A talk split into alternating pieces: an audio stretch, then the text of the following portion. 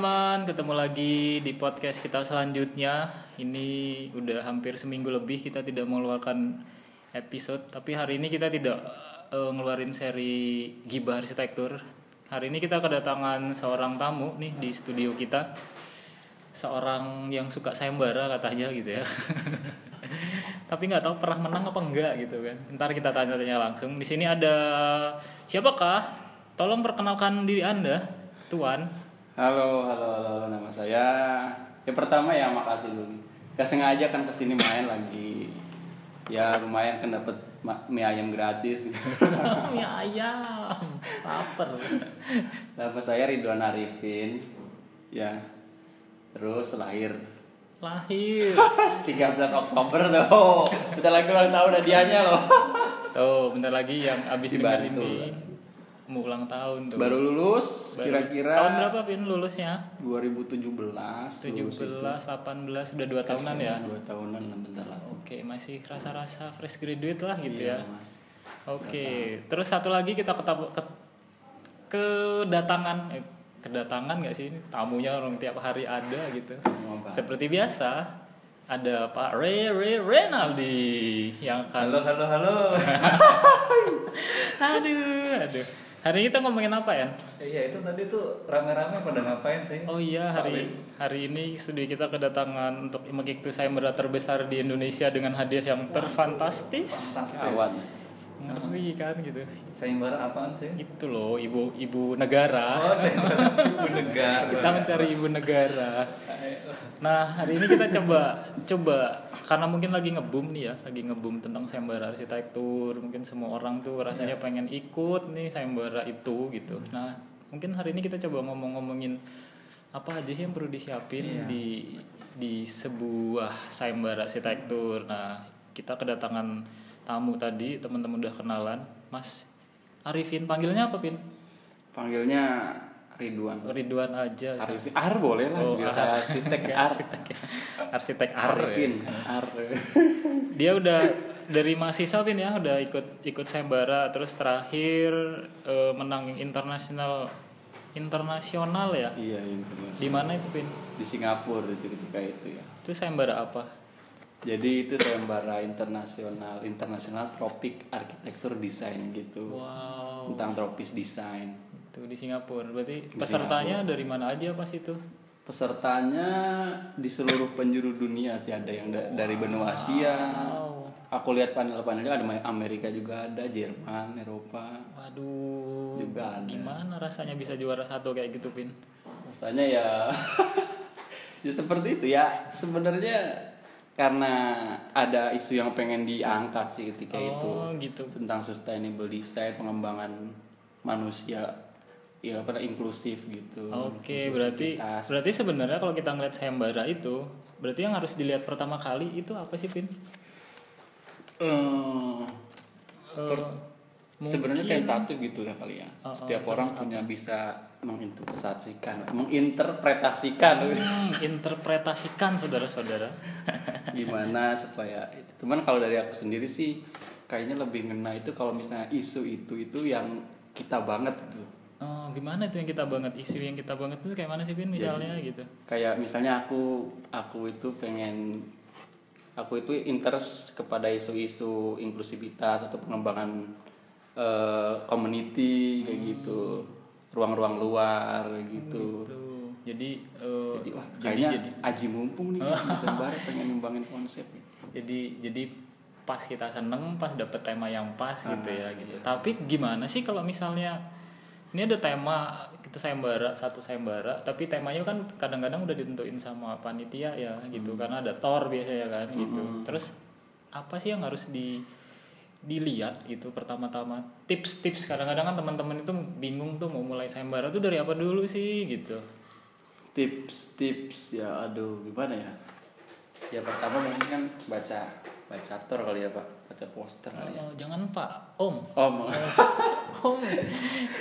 Ya kita cek maksudnya coret-coret tor dulu lah bang Oh, kayak gitu. yang highlight mana yang kira-kira penting nih mana nih yang nyambung sama Hmm. topiknya nih jadi membaca tor itu jadi penting gitu ya. scanning tor lah gitu. Loh jadi pertama-tama teman-teman itu harus baca Tor dengan jelas gitu ya. Harus men, men scanning Tor itu mana yang penting mana yang enggak mana yang mau diperluin untuk menggali ide atau permintaan yang sesuai dengan keinginan dari pemberi tugas Memberi gitu ya. tugas. Oke. Gitu mas, mas apa nih? oh terus kalau dari Pak En apa En Ah, Bro En itu pertama memulai sering ikut sayembara kan? Dulu pernah ikut menang di mana? Pernah Ya, menang dulu Bandung. Di Bandung pernah di Makassar itu yang nggak diduga-duga juga. Juara berapa itu? Nah, itu juara tiga. Juara Waktu itu tiga. yang juara satunya Pak Yusin. Oh Pak Pak. Yusing Pak Yusing halo. Halo pak, salam dari kami. Kalau yang ini. oh itu ya yang yang menara UNM itu. itu. iya betul. Nah itu itu gimana? Mungkin dulu pas mulai sayembara apa sih gitu yang perlu disiapin gitu? Ini ada sayembara nih. Hmm. terus ah, aku pengen ikut. Terus kadang-kadang bingung kan. Terus apa yang harus dilakuin? Yang pasti eh, tornya dibaca dulu gitu. Nah, biasanya tor itu kan banyak keinginannya gitu. Ya kita bisa saring lah mana yang paling prioritas gitu kan. Dan jangan lupa pas baca tor itu dilihat dulu itu tanggalnya tinggal berapa hari lagi? Gitu kadang udah seminggu. Kebiasaan ya? Baca dari awal tiba-tiba pas sampai di jadwalnya ternyata wah tinggal seminggu. Ah nggak jadi gitu itu kan. tips tambahan. Ya tips ya. Itu kalau lihat tor tuh lihat tanggal ngumpulnya Iya. gitu. Karena banyak banget tuh udah seneng ngumpulin tapi lupa ngeliat tanggal terakhirnya terus nggak jadi submit. Terus tor nah kita ngomongin tor ini penting karena tor itu pintu gerbangnya gitu. Kira-kira dari tor itu yang perlu di highlight itu apa Tor. Heeh. ada nggak sih? Apa ngelihat oh kita tuh udah nggak jangan dibaca semua tuh. Kalau misalnya saya biasanya tuh saya nggak pernah baca tor secara lengkap gitu. Paling saya baca itu ada latar belakang tanggal pengumpulan biaya pendaftaran. Terus ada syarat-syarat khusus nggak? Biasanya kan harus ada dari IAI gitu dan lain-lain gitu. Nah nah itu itu gimana kalau dari Mas Ridwan? Kalau dari saya ya, ya pertama ya dari ini sih dari latar belakangnya dulu sih dari latar judul pertama judul ya. Heeh. Dari judul itu dia ngembangin apa nih kayak? Biasanya kan dari judul tuh punya turunan latar belakang kayak gitu dan terus terus ada korelasinya gitu kan. Hmm, cari korelasi Ah, oh, antara ini judulnya pengennya ini. Terus di latar belakang ada juga Oh. kayak gimana. Biar dapetin rohnya gitu. Ah, ah, kayak ruhnya tuh harus nyampe ke judul gitu loh pak. Um gitu. Kalau Pak Pak Bruen Eh, apanya tadi? Eh, untuk ngelihat bagaimana sih kita menyaring? Karena menyaring tor itu ju- juga lumayan sulit loh menurut saya gitu untuk dapetin oh ini loh yang akan kita buat gitu. Temanya Iya. apa apa gitu Kan- problemnya hanya kadang-kadang itu yang buat tor itu belum tahu keinginannya apa gitu. oke kadang-kadang kan? copy paste. Kadang-kadang nggak niat juga kalau yang bikin door itu. Kadang-kadang kalau misalnya pernah gitu kan eh berapa sayembara? Tornya sama cuman ganti judul gitu. Oh gitu. Ada ya? Banyak. Kalau di part pemerintahan tuh yang nyelin pemerintah tuh banyak banget gitu. Jadi kadang-kadang kita emang harus jeli juga ngeliat tor gitu kan. Pokoknya intinya teman-teman harus jeli lihat tor gitu. Sehingga dapat sesuatu keyword-keyword yang akan dilanjutkan kan gitu ya mungkin ya gitu. Terus apa lagi nih? Kalau kita udah dapet tor kita udah nger- ngerti apa yang akan dibuat tanggal pengumpulan kapan bayar pendaftaran kapan eh berapa gitu terus apa lagi nih kalau pengalamannya? Kadang-kadang suka lupa tuh ini sih apa namanya? Kertas ukuran kertas. Kayak gitu nah layout dari penting ya. kertas kadang udah dikumpulin bisa kertasnya A2 atau A1 Iya, betul. salah. Jadi ingat kejadian yang sayembara jembatan Padang kemarin. Satu-satunya peserta yang timku yang yang layoutnya potret. Padahal diminta landscape gitu. Eh, aku juara dua lo di situ. Tolong itu yang potret itu tanggung jawab itu. Pasti dengerin ya. Mahasiswamu itu. oh iya tuh. Itu aku juara dua lo, lumayan lah Nah, itu. gitu. Eh kan kita udah udah udah part part eh, kertas gitu kan karena kertas itu akan berhubungan sama layout ya karena layout itu akan bagaimana si juri itu akan mudah menangkap isi dari ide-ide kita gitu kan. Nah ada nggak teman-teman tuh punya tips untuk menentukan sebuah layout itu seperti apa? Dari warna mungkin dari font dari tata layout atau atau apa? Eh yang dari pengalaman pengalaman ya. teman-teman sekali gitu? Ya sebenarnya dapat ilmu dari kakak angkatan juga sih kalau kayak gimana tentang poster itu kan. Jadi ya poster itu katanya pertama kan harus ada kita punya halaman yang mana di situ tetar membahana gitu. Ya yang biasa sering di- disebut killer image dan dan punchline punchline di situ semuanya tuh bakalan oh ini ide utamanya di sini. Oke. Baru habis itu oh penjabarannya di belakang apa-apa. Ya itu sih ada kunci killer image-nya itu. Habis itu di breakdown kayak ke gimana belakang. Jadi yang teknis biasanya di belakang-belakang perspektif belakang oke kalau Pak Renaldi Kalau aku jangan terlalu ramai gitu. Kalau misalnya layout itu ya. Um, kalau kalau sayembara dulu sama sekarang itu kan kalau dulu itu memang lebih fokus ke image gitu kan desainnya gitu. Kalau sekarang itu lebih banyak digrogoti dengan diagram-diagram yang yang bulat-bulat itu gitu. Yang icon-icon itu yang justru agak mengganggu desainnya itu sendiri gitu. Itu yang mungkin harus di mungkin lewat media podcast ini saya ingin menyebar ke seluruh lewat-lewat se Indonesia itu. Jangan terlalu banyak diagram-diagram yang eh, kalau itu disatuin satuin aja gitu kan. Tapi jangan biar orang tuh ngelihat membaca apa eh, potongan atau denahnya itu lewat persepsi dia aja gitu. Ya nggak perlu dijelaskan lagi lewat apa diagram kayak gitu. Oke. Ya jadi lebih lebih clear, Clear, kayak ya. gitu lebih clear. Gambarnya lebih lebih lebih gede kayak gitu kan. Yang dilihat posternya juga gambarnya lebih lebih fokus gitu. Nggak banyak diagram gitu.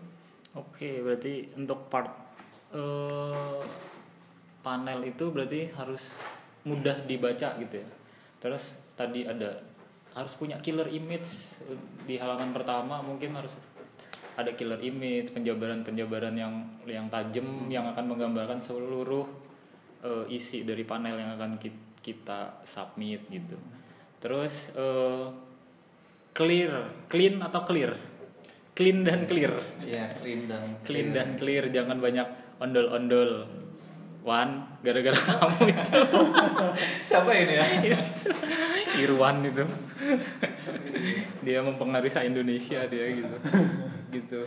Nah eh, buat sekomunikatif mungkin gitu ya. Mungkin teman-teman bisa lihat contoh-contoh contoh-contoh panel yang udah ada gitu. Nah kalau biasanya kalau saya itu sih nggak cuman panel nata-nata doang gitu.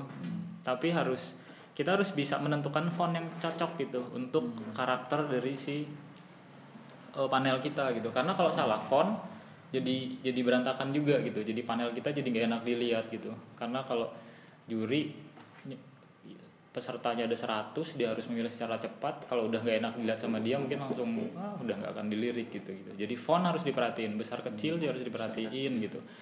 Terus tema font. Eh tema font sorry. Tema panel warna. Jadi itu juga harus dilihat juga gitu. Nah itu itu yang harus eh, dilihat di panel. Setelah panel apa ya biasanya? Apa ya? eh apa biasanya ya?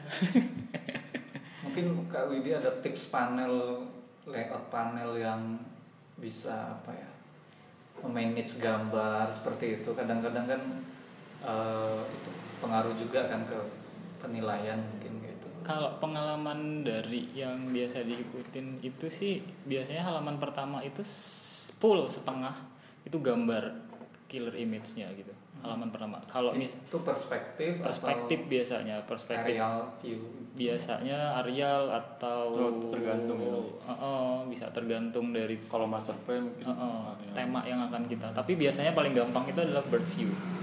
Bird view itu paling gampang untuk bisa menggambarkan seluruh kawasan atau desain yang bisa kita lihat. Tapi tidak selalu tapi itu memudahkan biasanya.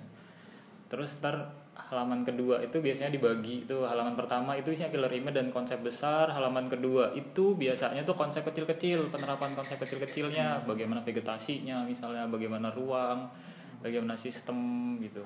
Terus setelah setelah konsep penjabaran konsep kedua itu biasanya halaman ketiga itu biasanya udah mulai desain ada denah tampak potongan itu ada di situ gitu. Nah setelah itu selesai gambar keempat halaman keempat biasanya isinya 3D 3D 3D 3D penggambaran semua gitu yang yang ciami gitu kan. Pakai bajakan. Tirai bajakan dan lumian bajakan. Nah tingit gitu. Nah setelah itu biasanya di halaman halaman 4 itu eh, itu endingnya biasanya kalau misalnya ada 4 ya tapi biasanya itu rata-rata 4 itu halaman ending biasanya ada RAB-nya ada sistem-sistem. Itu isinya sistem-sistem atau conclusion dari semua semua agar desain kita itu benar-benar memang bisa dibangun. Itu di, di halaman terakhir biasanya biasanya di halaman 4 karena biasanya sayembara itu tuh ada dua halaman, empat halaman, enam halaman, enam halaman, delapan halaman atau 10 halaman gitu. Paling banyak 10 gitu biasanya. Gitu. Gitu. Itu sih gitu. Dan jangan lupa biasanya punya kops. Nah, kops itu juga teman-teman harus lihat apakah itu dikasih sama panitia apa enggak gitu. Kadang-kadang tuh ada yang lupa gitu. Terus jadi didiskualifikasi karena nggak punya kops yang harusnya itu udah standar dari panitia gitu. Nah gitu. Jadi ada faktor teknis di panel yang harus di, dilihat gitu. Gitu. Terus nah Eh bentar nih pak, agak balik nih. oke Agak balik apa? mau nanya lah. Ah, nanya balik. ah, ah, ah. Dalam kan sayembara ya, kan kita biasanya kan punya tim gitu lah. Punya tim. Kalau dari perspektif bapak gitu gimana sih pak? Kita memilih tim buat sharing juga kan kita pengen tahu. Mm, semua bener. Nah, penting banget ini teman-teman. Kadang-kadang sayembara itu nggak bisa dilakuin sendiri gitu kan ya. Pak Yan sayembara sendiri berapa kali? Kayaknya sering banget. Sering banget. Tapi biasanya kalau tim itu berdua atau bertiga. Bertiga. Nah, itu beda sama sama sama saya gitu biasanya. Saya senang berkelompok gitu. Karena dari dulu emang karena belajarnya senangnya berkelompok itu dulu punya tim namanya Jogja Limo gitu. Kita udah tahu memetakan kemampuannya masing-masing gitu. Jadi saat teman-teman itu men- tipsnya nih tipsnya saat mencari mencari tips itu bukan karena suka atau tidak suka tapi belajar melihat kemampuan Masing-masing masing-masing anggotanya karena itu akan melengkapi karena satu orang mungkin saya nggak nggak jago layout misalnya. Si Pak EN tuh jago layout gitu. Pak EN nggak jago konsep saya jago konsep misalnya. Atau saya jago 3D Pak EN tidak jago 3D gitu. Nah itu saling melengkapi. Jadi carilah temen yang yang berbeda kemampuannya Berbeda oh, kemampuannya. oh, keywordnya jangan sama kemampuannya Misalnya bisanya semuanya konsep semua kayak Mm-mm. gitu kan. terus nggak ada yang gambar Nggak ntar ada yang gambar, malah debat kusir. ada debat kusir gitu jadi carilah partner yang beda kemampuannya gitu Ah, iya, iya, betul. gitu itu itu itu paling penting di di dalam sayembara gitu Yang berat itu memang kalau sendiri itu Mm-mm. semuanya memang harus dipikirin dikirim dari sendiri. konsep ide sampai apa eh, layoutnya bagaimana. sampai ngirim. Ngirimnya. Kalau aku tuh ngirim dari ngirim dari pos sampai travel sampai eh, pokoknya udah banyak macam-macam media pengirimnya itu sendiri ngirimnya kayak gitu. Gitu, jadi- ngirim sendiri juga pernah gitu datang ke panitia kayak gitu gitu. Jadi jadi soal soal tim itu adalah teman-teman harus bisa memilih berdasarkan kemampuan yang berbeda tidak boleh sama. Kalau sama itu akan menyulitkan saat kita bekerja. Karena sayembara itu waktunya sangat terbatas. Paling lama sayembara itu dua bulan waktunya. Rata-rata yang yang ada tuh satu bulan. Satu bulan satu bulan tuh paling cepat. Nah dalam waktu satu bulan kita harus bisa menghasilkan desain konsep sampai detail nah itu dibutuhkan kerjasama yang bagus gitu. Kalau dulu sayembara udah tinggal satu bulan aja tuh. Mm-mm. itu biasanya aku udah keringetan gitu Jogja Limo satu minggu. Karena dulu biasanya sendiri itu wah keringetan banget itu. Itu pasti udah deg-degan. Wah, ini bisa kekumpul apa enggak kayak gitu kan. Nah itu kalau seminggu itu gimana kerjanya tuh? Begadang cuy. Sih. tapi biasanya Jogja Limo itu tuh paling lama ngerjain sayembara itu dua minggu. Dua minggu. Tapi di sebelum itu ada proses brainstorming. Brainstorming dulu. nah ini yang harus teman-teman lakuin. Jam- peluangan ide. Oh, oh, jadi saat kerja ker- kita kerja sama sama tim itu ada proses yang namanya brainstorming yang semua semua tim harus bisa mengeluarkan banyak ide. Banyak ide terus kita harus berdebat sampai didapat satu ide yang kira-kira itu sesuai dengan eh, Thor. Nah, setelah itu semua orang akan ngikutin itu gitu. Emang agak sulit biasanya kalau egonya itu nggak di nggak di apa ya nggak ditekan gitu. Iya, iya. Tapi di proses brainstorming semua orang harus ngeluarin egonya karena biarin keluar idenya gitu. Tapi di part tertentu kalau itu udah ditemuin semua ego harus di, di- ditekan untuk kita eksekusi satu ide gitu sampai sampai detail gitu. Iya. Gitu. Jadi brainstorming dulu terus baru bekerja gitu. Kalau kalau udah dapet apanya ya jalan ceritanya itu ngerjain lebih gampang biasanya gitu. Tapi kalau ngasal ngerjain-ngerjain juga ntar jadinya lama gitu. Gitu. Jadi harus punya punya alur cerita di desainnya gitu. Pin udah berapa kali ikut sayembara Pin? Aku sayembara dari sebenarnya dari semester semester 3 kali ya sayembara, cuman ya itu masih awal banget saya kan. Wow, 3D aja belum bisa ketika itu. Saya berapa aja pernah. itu sayembara mahasiswa sih yang ngadain itu mana ya Undip apa ya? Oh, gitu. Terus ya ada kampus-kampus lah, kampus-kampus di Jawa Tengah. Sebut merek nggak bo- boleh apa enggak? Eh boleh di sini Boleh kan nggak ada kan, sensor. kampus bebas kan. Nggak kita- nggak dibayar juga. Siapa tahu Iya. dapat endorse. ya kampus Udi parkiran gitu terus desain terus apalagi Atma Jaya terus pas ya banyak lah lumayan banyak nih sampai sampai ya belajar sama senior juga oh, gimana sih yang mana sih diajarin juga ngikut gimana ngikut polanya gitu kadang-kadang saya mengamati juga sih kalau ikut sayembara oh kayak gini patternnya kayak gini ya selain menjadi tim yang baik kan gitu. nurut gimana maunya nih ya Tim ya. Kalau Pak Renaldi udah berapa kali? Eh, Kalau saya saya Ingat ya, ingat itu ya. malah setelah S1 lulus S1 baru baru ikut baru ngerti oh ada tuh yang namanya sayembara. Udik banget kan. Anak sekarang mungkin dulu nggak kalau sekarang kali ya nggak ada internet Gak ada. Nggak. Iya. Internet susah. Internet masih masih awal-awal lah, pertengahan 2000-an kayak gitu kan. Ah, udah ada. Tapi udah paling enggak setahun sekali ada ikut. Mungkin yang udah hampir terakhir kali itu 2014 dari 2007 sampai 2014 habis itu udah mulai jarang Jarang. sayembara lagi. Ingat nggak berapa setelah sayembara berapa kali baru menang? Sayembara sekali menang itu satu dua paling yang ketiga gitu. Ketiga ketiga Nah. baru baru Baru ada masuk lah, gitu. nominasi. Kalau Ridwan Saya satu, habis itu pertama parkir, habis itu kayak jembatan kayak gitu pak, habis itu keempat kayaknya keempatan nih, Oh, berarti empat lima dah pokoknya. berarti itu kalau mau ikut sayembara sebenarnya nggak ada yang nggak ada yang ini ya apa namanya nggak ada instan ya gitu ya untuk Iya. dapat sebuah kemenangan gitu. Jadi Bonus sih sebenarnya itu kali ya. Bener sih bonus. Jadi sebenarnya jangan dikejar menang apa enggak, tapi prosesnya gitu kali ya. Iya. Gitu. Karena enggak kalau aku ikut sayembara itu memang enggak ada target menang atau gimana hanya kayak seneng aja gitu kan. Wah Penumpang apalagi menang, lebih seneng lagi. apalagi menang oh lebih senang lagi gitu. Gitu jadi jadi temen-temen nih yang yang pengen ikut sayembara kadang-kadang tuh pengen langsung menang gitu kan. Eh, ikut aja dulu gitu ikut terus nanti sampai tahu temen-temen itu dapat polanya kadang-kadang saat kita Oh, udah iya. udah sampai tiga empat kali ikut sayembara yang mungkin kalah terus biasanya keempat kelima gitu atau keberapa ntar udah apal cara mengeksekusinya, cara teknik-teknik buat panel gitu. Terus macam-macam lah gitu ya, biasanya gitu.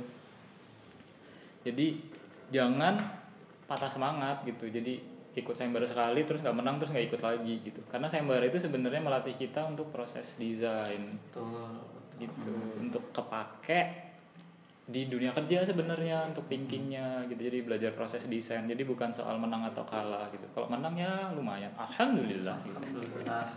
Gitu. biasanya juga ikut sayembara itu kalau mahasiswa tuh bebas gitu kan. Artinya nggak di uh, Dibebani. dibebani tugas gitu kan. Atau di asistensi dosen lagi gitu. Memang benar-benar inilah pemikiran sendiri idealisnya gitu. Iya.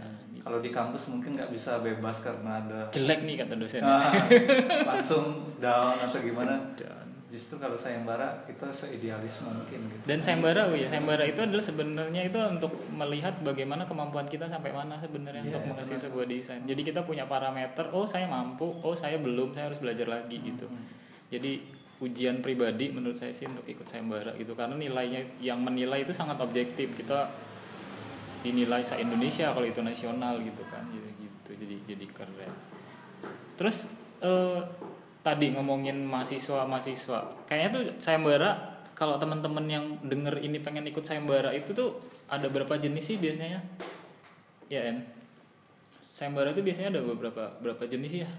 Kalau nggak terlalu ngikutin? Apa aja sih? Kan biasanya tuh ada untuk mahasiswa untuk Oh, profesional atau sayembara terbatas gitu Iya, kan iya, gitu. iya, iya, kayak gitulah. Hmm, jadi mungkin teman-teman harus bisa memilih kalau teman-teman itu eh, mahasiswa gitu ikutin dulu aja mahasiswa gitu. Ah, ah. nanti kalau udah udah udah udah udah terbiasa gitu masih mahasiswa kalau berani ke profesional profesional aja gitu. Gitu.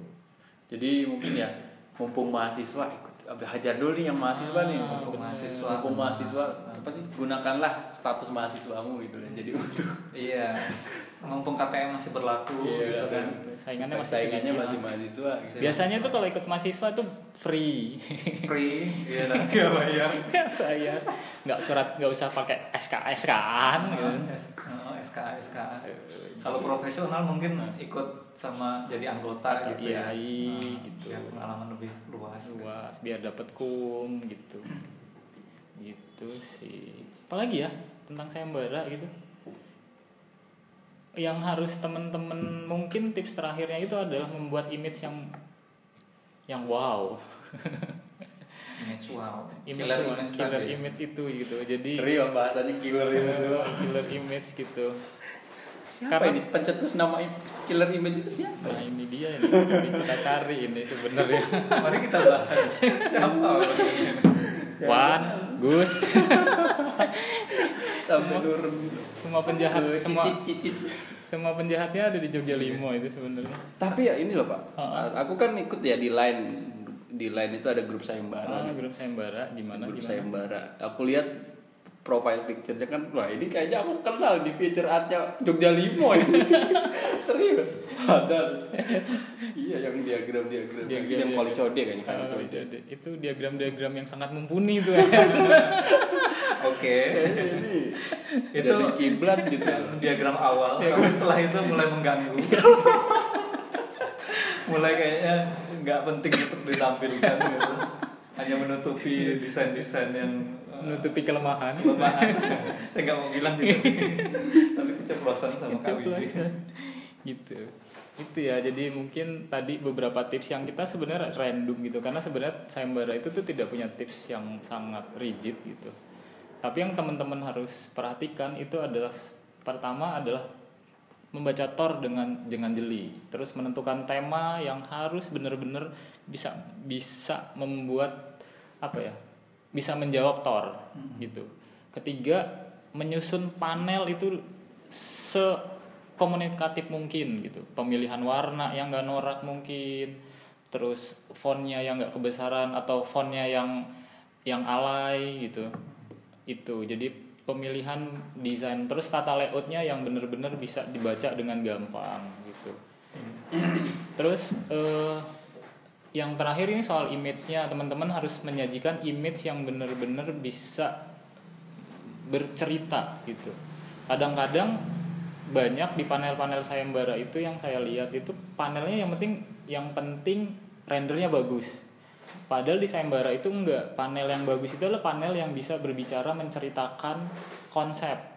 Nah jadi saat pengambilan view atau pengambilan apa namanya sudut pandang kita saat merender itu harus harus tahu ber, mau berkomunikasi tentang apa nih viewnya gitu. Jadi pas kita ngasih keterangan di bawahnya ini bercerita apa itu nyambung. Juri juri dengan gampang untuk apa untuk mencerna maksud dari dari form atau denah atau apa pun dari desain kita itu yang akan kita tonjolkan gitu siapa lagi ya Aku mau nanya. oke Ya. Eh, sayembara itu kan macam-macam ya. Ah, ah, ah. Terus kalau Kak Widi sayembara yang paling eh, menyenangkan dan paling menjengkelkan mungkin bisa cerita nggak? Eh, apa ya kayaknya semua sayembara itu rasanya punya pengalaman gitu ya Mm-mm. di pas saat saat bersama Jogja Limo Ya pasti kalau pas menang, Pas menang. pas kalah tapi tetap senang juga mungkin ada pengalaman. pas kalah atau menang senang itu pas pas saat pengalaman yang paling menurut saya sangat pribadi itu saat sayembara masjid Banjarbaru Mm-mm. karena di sana itu lengkap orang-orangnya gitu lengkap lengkap dalam artian itu ada Jogja Limo di sana pesertanya ya. pesertanya yang masuk nominasi Ah, ah, Di- ah. nominasi tiga besar itu ada ada Jogja Limo terus ada saya member Jogja Limo terus ada mahasiswa. Belum X tuh ya. belum belum X belum bubar itu. Tapi udah mulai sayembara sendiri-sendiri. Oh. nah terus ada mahasiswa bimbingan bimbingan dulu yang dibimbing bareng-bareng itu sekarang udah jadi arsitek pro gitu kan udah punya studio di Naungan. Dan itu rasanya masuk nominasi dalam satu sayembara terus barengan Barengan ya. terus menang juara satu itu kayak balas dendam men. Balas dendam ke? Balas dendam ke mereka gitu. Oh, nggak nggak bercanda. Kayak itu rasanya seneng. Seneng karena karena itu proses proses belajarnya bersama. Terus di satu titik itu kita kita menjadi saingan. Menjadi saingan. Tanda kutip saingannya. Terus kita masuk semua gitu walaupun juaranya siapa. Itu kan soal soal suka suka juri ya sebenarnya sayembara itu tapi masuk di tahap nominasi yang kita bisa berangkat bareng terus terus bisa di podium bareng itu seneng banget rasanya gitu Oh, iya, iya, iya, iya. ada itu loh Ed. Siapa? cerita di balik ini ya terus yang paling bahagia kan bulan ini DD-nya akan dibang dibuat Oh, gitu. gitu. setelah menunggu berapa tahun dua tahun Dua tahun, ya. tahun depan ka- kabarnya mau dibangun gitu. Jadi kan sebenarnya jarang-jarang itu sayembara juara satu itu katanya dibangun tapi ujung-ujung yang enggak juga gitu Hmm. atau justru malah gambarnya beda sama yang hasil sayembara. ini sih seneng gitu karena Mm-mm. pe- jarang ya gitu tapi ini pemerintah Banjarbaru lumayan lumayan komitmen gitu jadi mereka tetap mengajak pemenangnya untuk meng, meng- apa ya men- Berpartisipasi. Kolaborasi. kolaborasi lah oh benar berkolaborasi untuk tetap menjaga desainnya itu di dalam di di on roll saat dulu desain gitu itu sih paling menyenangkan gitu Iya. Kalau Ipin Paling sayembara yang menyenangkan tuh yang waktu kapan momen-momen seperti itu ya? ya paling menyenangkan ya ketika itu pas ke Singapura aja sih Oh, iya. itu kali pertamanya naik pesawat lagi kan gara-gara sayembara Gaya Gara-gara sayembara sayembara itu. Yang dan langsung keluar negeri gitu aduh ya Allah Itu naik pesawat langsung keluar negeri ya. Gara-gara sayembara gitu. mentornya aja nggak pernah ke luar negeri Iya. Iya. Tapi ya benar sih sayembara kalau ya benar sih. tapi apa dari sayembara apa yang didapetin sama Ya pertama itu. pertama ya pengalaman internasional. pengalaman itu kan bertemu dengan praktisi-praktisi dan biasanya kan yang jadi juri kan orang-orang ini kan biasanya yang praktisi benar gitu praktisi yang ternama. Kalau enggak ya dosen yang di profesor kayak gitu Diidolakan praktisi gitu. diidolakan. Itu kan berhadapan dengan orang-orang seperti itu gimana sih? Kita di apanya dibantai gimana? Habis itu ya uji mental ya? Ya uji mental kayak gitu kan terus ya teman dapat teman-teman baru juga kan pasti kan dapat lingkungan baru juga iya iya benar benar kadang-kadang ya sempat juga kan kerja di Bandung itu eh, ternyata eh, Orang-orang- ketemu orang-orang sayembara juga ya? iya Udah ketemu nah sekarang Hmm. Pak Rere apa sayembara yang mem- berkesan di hati gitu sehingga tidak bisa lupa sepanjang hari Sayembara berkesan di hati apa ya? Mungkin ada beberapa lah. Yang pokoknya kita masuk nominasi gitu. Yang sayembara Makassar 2009 awal itu itu pertama kali ke jalan ke Sulawesi sekalian jalan ke Toraja gitu kan Oh, ke jadi tempat Yudi ya? tempat Yudi Oh, iya, itu iya, ke tempat iya. nenek Yudi gitu jadi pertama kali ngeliat, ngeliat tongkonan seperti apa gitu jadi sebenarnya jalan-jalannya pas Hmm. saat menang sayembara itu gitu pulang-pulang habis duit ya juga nggak masalah memang karena awalnya targetnya bukan uang kayak gitu tapi ya ya alhamdulillah lah cukup untuk anak waktu masih sekolah Kuliah ya? dulu ya kuliah. Tapi yang Untuk anak punya anak pak. Saya Oh. aku udah bertanya-tanya deg-degan ini kan. Ada yang disimpan ini berarti. Tapi bener, salah satu salah satu berkas sayembara itu adalah menurut saya itu pribadi itu ada dua. Pertama itu dapat dikasih temen yang banyak gitu. Temen banyak yang kita mungkin berbeda-beda tempat tapi ketemunya di sayembara terus bisa jadi akrab gitu. Terus yang kedua itu adalah jalan-jalan gratis gitu. Saya udah jalan dari Aceh Aceh sampai Papua itu gara-gara ikut sayembara gitu. Gitu. Jadi semua dibayarin. Cita-cita cita-cita jalan-jalan gratis itu tersampaikan terkabulkan gara-gara sayembara gitu. Jadi teman-teman itu sebenarnya banyak manfaatnya kalau mau ikut sayembara gitu. Tidak soal akademik aja gitu tapi tapi banyak gitu. Dari soal silaturahmi terus memperbanyak jaringan. Terus nanti juga di portofolionya juga keren gitu. Karena banyak banyak juga studio-studio itu mencari sayembara hunter gitu untuk untuk studionya karena biasanya anak-anak sayembara itu kan cara kerjanya cepet cara mikirnya cepet skillnya biasanya udah di atas rata-rata gitu. Jadi portofolio itu biasanya akan sangat untuk anak-anak baru lulus mahasiswa itu portofolio dari sayembara lumayan agak ngangkat lah untuk untuk kita ngelamar magang atau apa gitu. Gitu. Ya kadang juga pas kalau kita menang itu kan kita ketemu maksudnya bisa se apa bisa se sepodium dengan eh, arsitek-arsitek yang udah ternama oh iya gitu. ya bener juga Kamu di kampus nggak mungkin di atas di atas dosen itu nggak mungkin gitu. Tapi di luar kamu bisa sepodium sama justru arsitek profesional yang terkenal kayak gitu. kita Kan itu lihat kita lihat-lihat di sebuah majalah dan, Iya. dan YouTube gitu. Itu sebuah kebanggaan sih. Oke, gitu aja rasanya ya. Kita ngomong-ngomong nggak jelas tentang sayembara. sayembara. Gitu semoga ada manfaatnya gitu malam ini. Terima kasih kalau ada yang salah, tidak bermaksud menggurui. Mungkin hanya omong-omongan yang ada di dalam hati. Alah. Selanjutnya komentar mungkin bisa ditulis di komen di bawah. Pak YouTube. Oke gitu aja teman-teman sekalian sampai jumpa di podcast selanjutnya. Dadah. Dadah.